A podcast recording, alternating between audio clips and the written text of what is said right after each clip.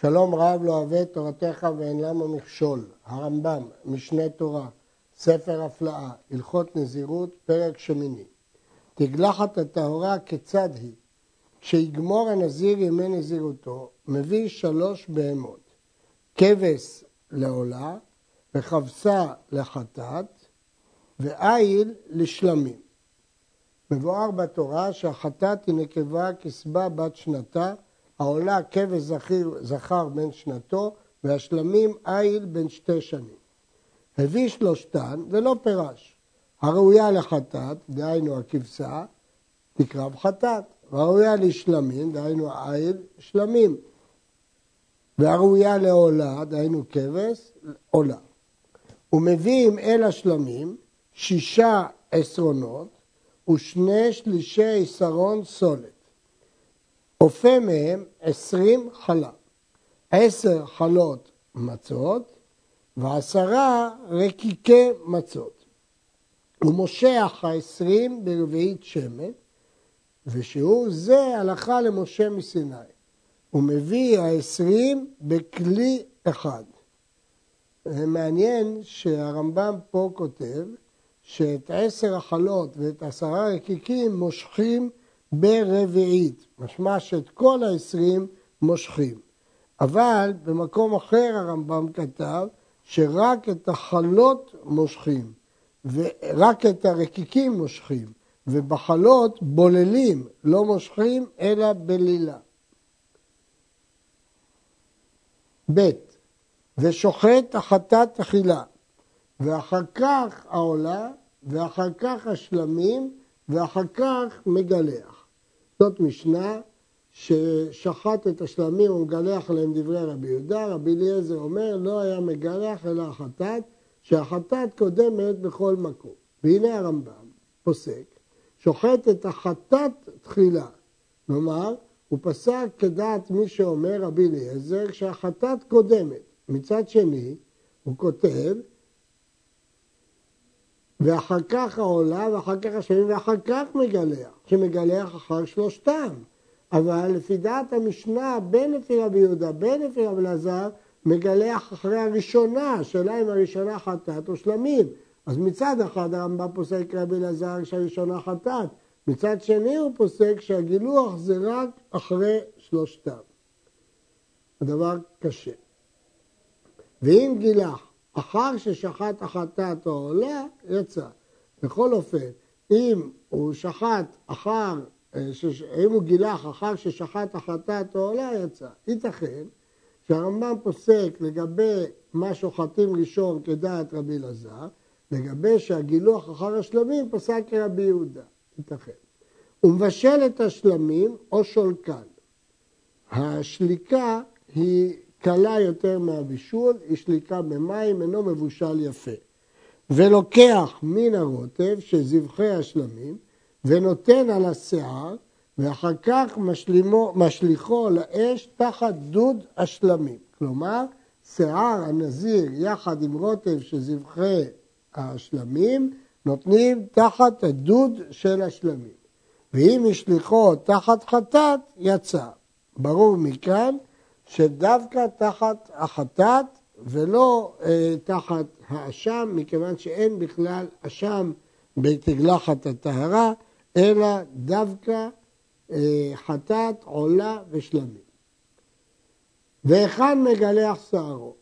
בעזרת הנשים, בלשכת הנזירים, שהייתה שם, בקרן מזרחית דרומית. המשנה אומרת במסכת מידות, שארבע לשכות היו בעזרת נשים בארבע מקצועותיה, והיא קובעת בכל אחד מה הן משמשות.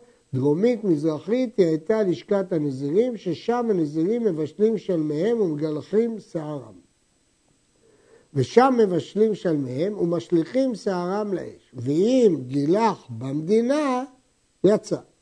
ובכן הרמב"ם פוסק שאם הוא לא גילח במקדש, אלא במדינה, יצא. ובין שגילח במדינה ובין שגילח במקדש תחת הדוד הוא משליך שערו. כלומר, גם אם הוא גילח במדינה, הוא משלח תחת הדוד.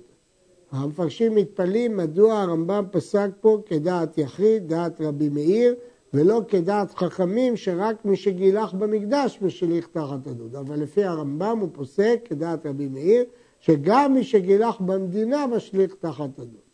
ואינו מגלח עד שיהיה פתח הזרה פתוח, שנאמר פתח אוהל מועד. לא שיגלח כנגד הפתח, שזה ביזיון המקדש הוא. כלומר, לא הגיוני שמה שכתוב בתורה שמגלח פתח המקדש, זה שממש הוא יגלח בפתח, אלא הכוונה בשעה שהפתח פתוח. הלכה ד' ואחר כך נוטל הכהן את הזרוע בשלה מן העין וחלת מצה אחת מן הסל ורקיק אחד ונותנם על כפי הנזיר או הנזירה ומניפם ואחר כך הותר הנזיר לשתות יין ולהיטמא למתים. כלומר, התנופה היא שווה בנזיר ונזירה, אין הבדל. דווקא בדין הזה הרמב"ם מדגיש שלא אומרים שהנזירה לא מתגלחת, שמא יתגרו פעם פרחי כהונה, כמו דעה שיש בגמרא, אלא כחכמים שגם נזירה מגלחת וגם היא מניפה. אה, זה חידוש, כי בדרך כלל נשים לא מניפות, אלא רק סוטה ונזירה. לכן מדגיש הרמב"ם כלפי הנזיר והנזירה, שגם הם מניפות. ואחר כך הותר הנזיר לשתות יין ולהיטמא למתים. נזיר ממורת אינו צריך להעביר תער. נזיר ממורד, כלומר שאין לו שיער, לא צריך להעביר תער. ואף על פי שאין לו שיער או שאין לו כפיים, הרי זה מקריב קורבנותיו וישתה ויטמע. ואם מביא קורבנותיו ולא גילח ראשו, אין התגלחת מעכבת, אלא שותה ומטמא לערב. הכוונה, מותר לו כבר להיטמא לערב מרגע שהוא הביא את קורבנותיו. התגלחת לא מעכבת.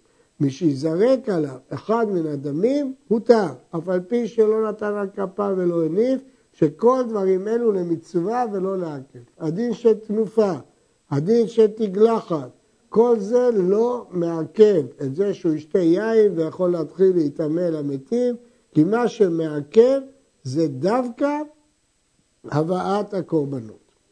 הכסף משנה מקשה. כתוב ברמב"ם שנזיר ממורד אינו צריך להעביר תא, אבל בגמרא זה מחלוקת בית שמאי ובית הלל. בית שמאי אומרים אינו צריך להעביר תא, ובית הלל אומרים צריך להעביר תא. אז איך פסק פה הרמב"ם כבית שמאי שלא צריך להעביר תא? אבל הדבר תלוי בעיון בסוגיית הגמרא, כפי שהגמרא בהרה את דעת בית הלל. מה פירוש צריך ולא צריך? לבית שמאי אין לו תקנה, ולבית הלל יש לו תקנה. מה פירוש? בית הלל אומרים שיש לו תקנה, מפרש הרמב"ם בלא העברת אתר, ולכן פסק הרמב"ם שנזיר ממורד אינו צריך להעביר תר. אף על פי שאין התגלחת מעכבת, אפילו שהתגלחת לא מעכבת עליו, מצווה לגלח, אפילו לאחר זמן מרובה. זו עומדת מצווה בפני עצמה, המשנה אומרת שלושה מתגלחים ותגלחתם מצווה, המצורע והלוי והנזיר. ונזיר שגילח שלא בטעם, או שגילח ושיער שתי שערות, לא עשה ולא כלום ולא קיים מצוות גילוח, בין נזיר טהור בין נזיר טמא. אמנם אמרנו שזה לא מעכב את שתיית היין ואת התחלת ההיטמעות למתים, אבל הוא לא קיים את המצווה, כיוון שהוא לא גילח ביין, אה, כיוון שהוא לא גילח בתער, או שהוא השאיר שתי שערות, הוא לא קיים את המצווה.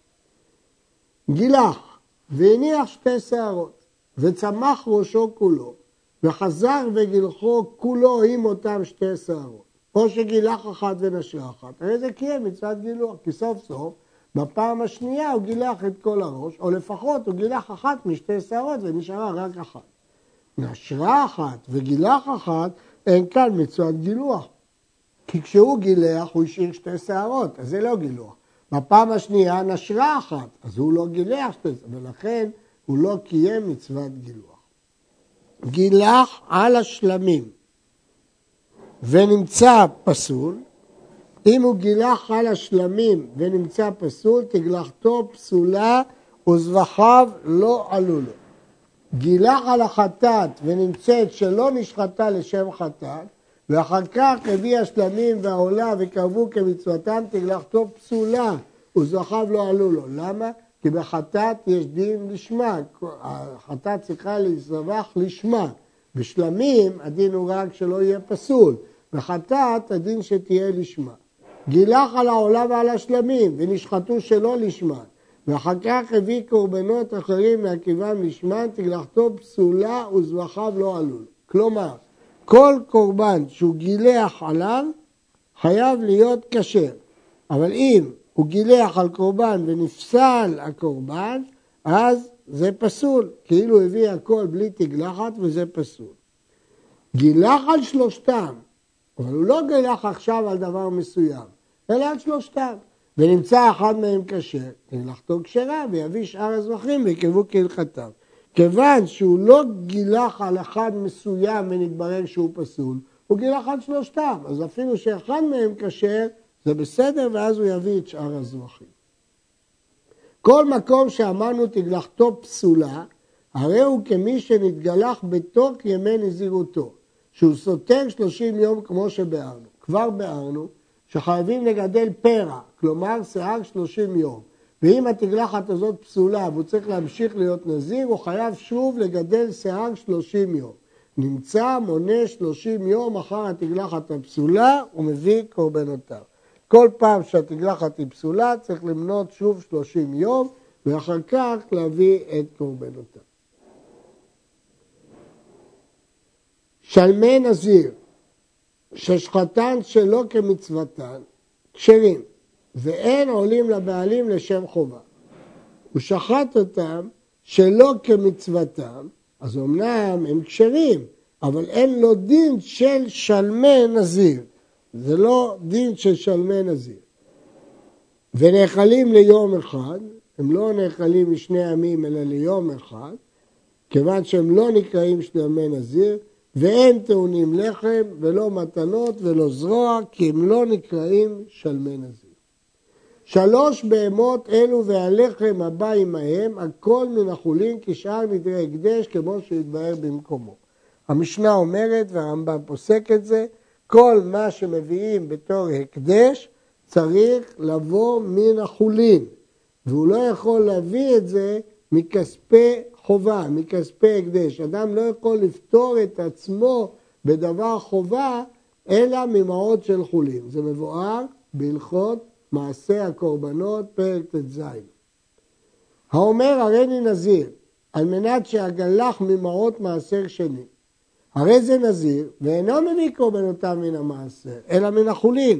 כפי שאמרנו, אי אפשר לצאת ידי חובה בדברים שהוא חייב מכספי מעשר שני, אלא מן החולין. האיש שנדר בנזיר, יש לו להביא קורבנות אביו לעצמו ומגלח עליהם. ואין האישה מגלחת על קורבנות אביה. ודבר זה הלכה מפי הקבלה. ובכן יש לנו הלכה מפי הקבלה שאדם יכול לגלח על נזירות אביו ואישה לא יכולה לגלח על נזירות אביה. מה פירוש? כיצד? מי שהיה אביו נזיר והפריש מעות לקנות בהן קורבנותיו ומת והניח המעות סתומים, הוא לא אמר לעולה, לשלמים, הוא השאיר אותם סתומים. ואמר הבן אחר מות אביו, הריני נזיר על מנת שאביא קורבנותיי ממעות שהפריש אבי לקורבנותיו.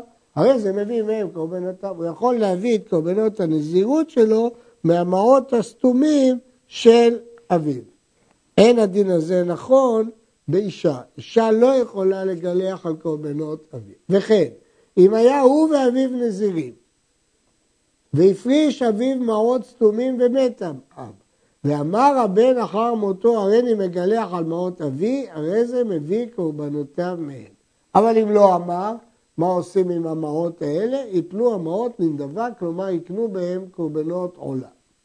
מת האב והניח בנים רבים, חולקים המורות הסתומים, אחד לא יכול להשתלט עליהם לקורבנותיו, פני שהם ירושה, היא ירושה להם, ויש לכל אחד מהם לגלח על חלקו, והבכור נותן בהם פי שניים כמו בכל ירושה. הלכה ט"ז בן שהיה האב נזיר עולם והבן נזיר זמן קצוב, בן שהיה האב נזיר זמן קצוב והבן נזיר עולם, הרי זה מגלח ומביא קורבנותיו ממעות נזירות אביו. למרות שזה סוג אחר קצת של נזירות, זה נזירות קצובה וזה נזירות עולם, זה לא משנה, בשני המקרים הוא יכול לגלח ולהביא קורבנותיו ממעות נזירות אביו. הפריש אביו מעות, להביא מהן קורבן טומאה ומת, האבא נטמע בנזירותו והוא תכנן להביא קורבנות טומאה ומת, לא יכול הבן להשתמש בזה לקורבנות טהרה. אין הבן מביא בהם קורבן טהרה. וכן אם הפרישן האב לקורבן טהרה במלאת נזירותו, ואילו הבן נטמע באמצע נזירותו והוא צריך להביא קורבן טומאה, אין הבן מגלח עליהם תגלח הטומאה. שדברים אלו ספק הם, ואם הביא זבחיו לא עלו לו. זה ספק בגמרא, האם אפשר להשתמש בקורבנות טהרה לקורבנות טומאה ולהפך, ומספק לא יביא, ואם מביא לא עלה לו. האומר, הרי עליי לגלח נזיר, הוא נדר לגלח נזיר, חייב להביא קורבנות תגלחת טהרה. ומקריבם על ידי איזה נזיר שירצה. הוא נדר להביא קורבנות של תגלחת נזיר. אז הוא חייב להביא קורבנות ויכול לתרום אותם, לתת אותם לאיזה נזיר שזקוק לקורבנות, לא חשוב מי שיהיה, יכול לתת אותם בשבילו. אמר, הרי עליי חצי קורבנות נזיר. או אם אמר, הרי עליי לגלח חצי נזיר, הרי זה מביא חצי הקורבנות לאיזה נזיר שירצה. ואותו נזיר משלים קורבנותיו משלו. הוא התנדר רק חצי מקורבנות נזיר. אבל אם אמר, הרי עליי קורבנות חצי נזיר, הוא לא אמר חצי קורבנות נזיר, אלא הוא אמר, הרי עליי קורבנות חצי נזיר, הרי זה מביא קורבנות נזיר שלם, שאין לנו חצי נזירות. כיוון שהוא אמר קורבנות של חצי נזיר, אין מושג חצי נזיר, רק נזיר שלם, אז הוא צריך להביא את כל הקורבנות. אם הוא אומר חצי קורבנות של נזיר, יש נזיר שלם, רק הוא נדר חצי מהקורבנות. אבל אם הוא נדר את כל הקורבנות של חצי נזיר, אין מציאות של חצי נזיר. לכן הוא צריך להביא קורבנות של נזיר שלם. הרעב"ד פירש את הגמרא באופן אחר. הלכה י"ט האומר הריני נזיר ועליי לגלח נזיר. גם נדר נזירות וגם נדר להביא קורבנות תגלחת של נזיר אחר. ושמע חברו ואמר ואני, גם אני כמוך. הרי חברו נזיר ואינו חייב לגלח נזיר אחר שהרי לא הדפיס עצמו אלא בנזירות. כשהוא אמר ואני זה לגבי החלק הראשון שגם הוא נזיר. ואם אמר ואני ועליי לגלח נזיר, הרי זה חייב, כי הוא הדפיס בכל הדבר. גם בנזירות וגם בחובה לגלח נזיר. כלומר, אם הוא רק הדפיס ואני, אז הוא יכול להדפיס את עצמו רק בנזירות. הוא לא קיבל עליו גם את הנדר שהראשון נדע. אבל אם הוא אמר בפירוש, ואני וגם עליי לגלח, אז הוא קיבל עליו גם את הגידול. ואם היו פיקחים, כל אחד מהם הביא קורבנות על ידי חברו, יכולים לחסוך. הוא יביא לזה והוא יביא לזה. ואם לא עשו כן, חייבים לגלח נזירים אחרים. הלכה כ. האומר, הרי עליי לגלח חצי נזיר, ושמע חברו ואמר, ואני ועליי לגלח חצי נזיר. זה מביא חצי קורבנותיו של זה, וזה מביא חצי קורבנותיו של זה, וכל אחד מהם משלים קורבנותיו אם היו פיקחים. ואם לאו, זה מביא חצי קורבנות איזה נזיר שירצה, וזה מביא חצי קורבנות איזה מהם שירצה. עד כאן.